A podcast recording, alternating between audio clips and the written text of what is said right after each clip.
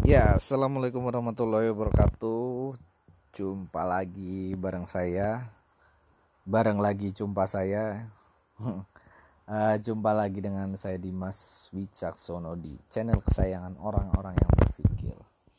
Oke, kalau kemarin kita tempo lalu kita membahas tentang kritik ya. Kritik itu apa, bagaimana dan segala macam. Nah, sebenarnya uh, saya mau menjelaskan tentang kritik seni tapi nanti itu di skip dulu mungkin next episode. Karena ada beberapa hal yang menurut saya lebih uh, lebih urgent untuk disampaikan. Uh, soal kaitan nalar. Nah ini penting nih. Membicarakan soal nalar. Nalar itu adalah hal yang sangat umum sebenarnya jadi uh, seumpama uh, saya ambil satu premis ya. Misalkan Andi eh bukan bukan Andi. Premis pertama semua orang Indonesia bodoh. Nah, misal contoh kalimatnya seperti itu. Lalu kalimat kedua Andi adalah orang Indonesia Nah, berarti silogismenya adalah karena Andi orang Indonesia berarti Andi itu bodoh karena semua orang Indonesia bodoh. Nah, itu kan logikanya cara membacanya tuh. Nah, tapi hari-hari ini ada kesalahan atau e, kekonyolan dalam menang apa e, menalar permasalahan. Ini yang terjadi yang kita lihat di istana ya. Jadi Eh, banyak kekacauan cara berpikir yang nalar nalarnya saya nggak nangkep gitu kan. Uh, belakangan ini ya apalagi gini. Orang saat ini kita saat ini sedang dilanda pandemi ya. Pandemi COVID-19 ini masing-masing uh, mempunyai problem mas apa problemnya masing-masing baik itu secara uh, psikologis ataupun secara keuangan dan lain sebagainya. Tapi yang paling vital saat ini dirasakan adalah uh, aspek ekonominya ya. Karena banyak yang harus akhirnya di PHK karena mungkin pabrik atau perusahaannya tidak bisa mengeluarkan budget untuk belanja pegawai yang melebihi dari omsetnya gitu kan. Karena omsetnya sendiri mungkin tidak bergerak karena adanya pandemi ini.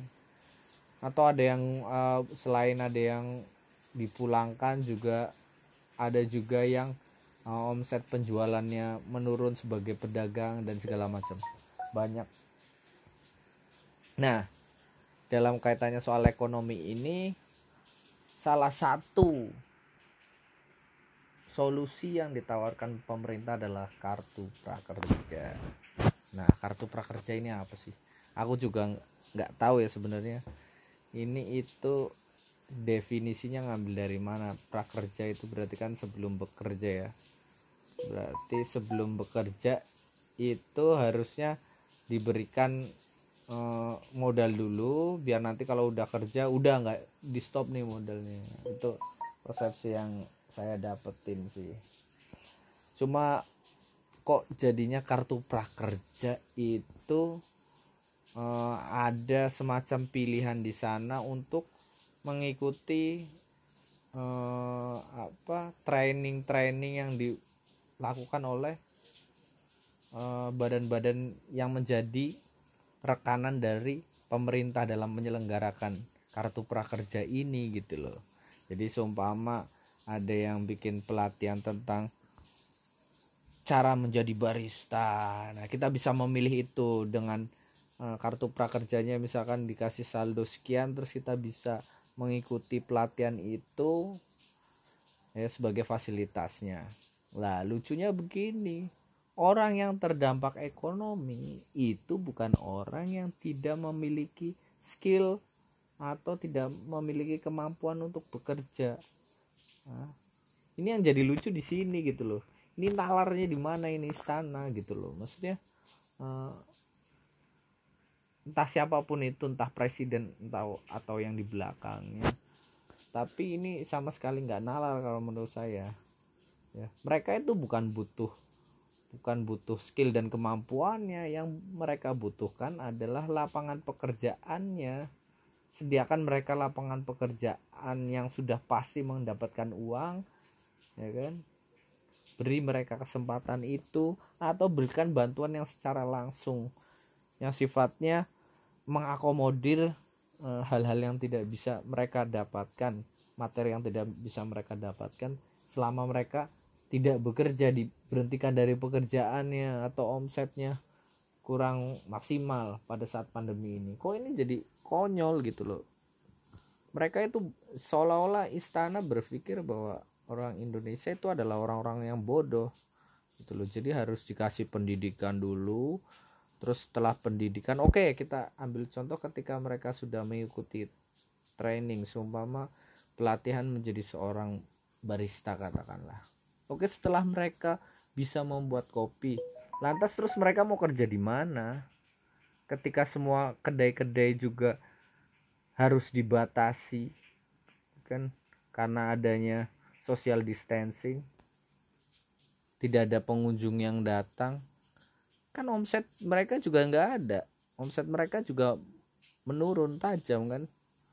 Terus mereka mau bekerja di mana? Nah, ini kan yang konyol gitu loh apa ya uh, nalarnya nggak bisa ditangkap aku juga bingung gitu.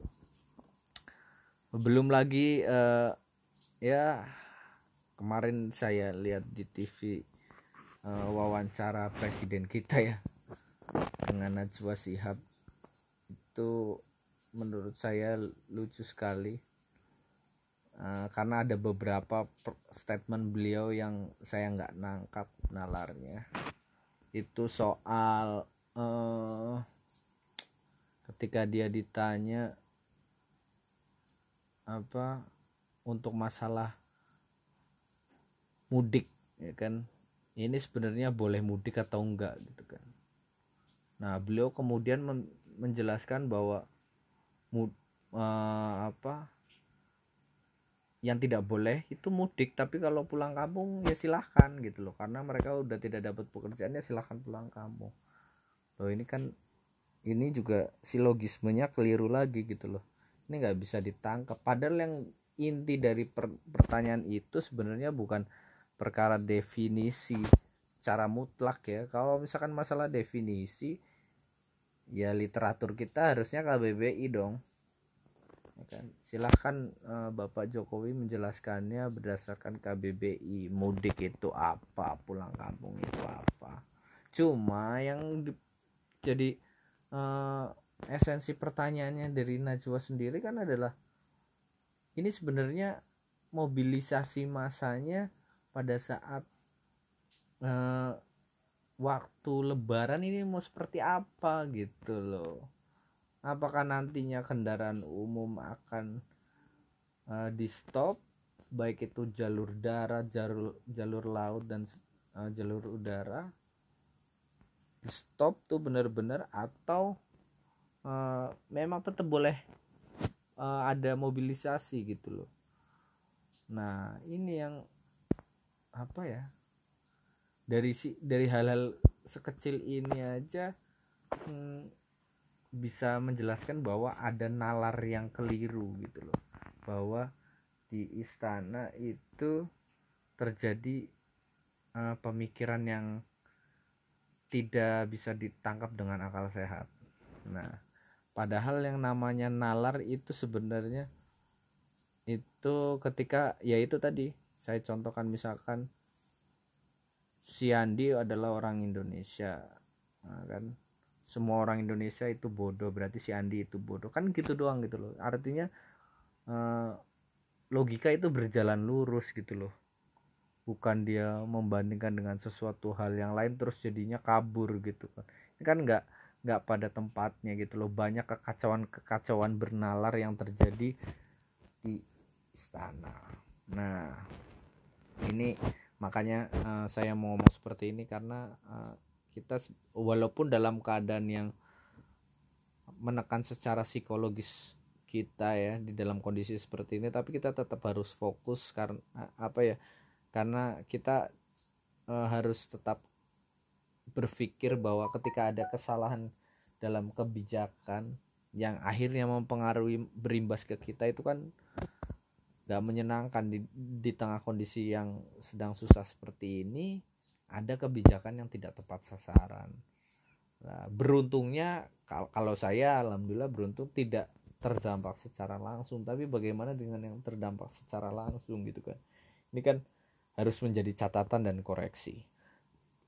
Lah uh, jadi intinya saya nggak ya silahkan teman-teman pendengar memahami sendiri apa yang ingin saya sampaikan.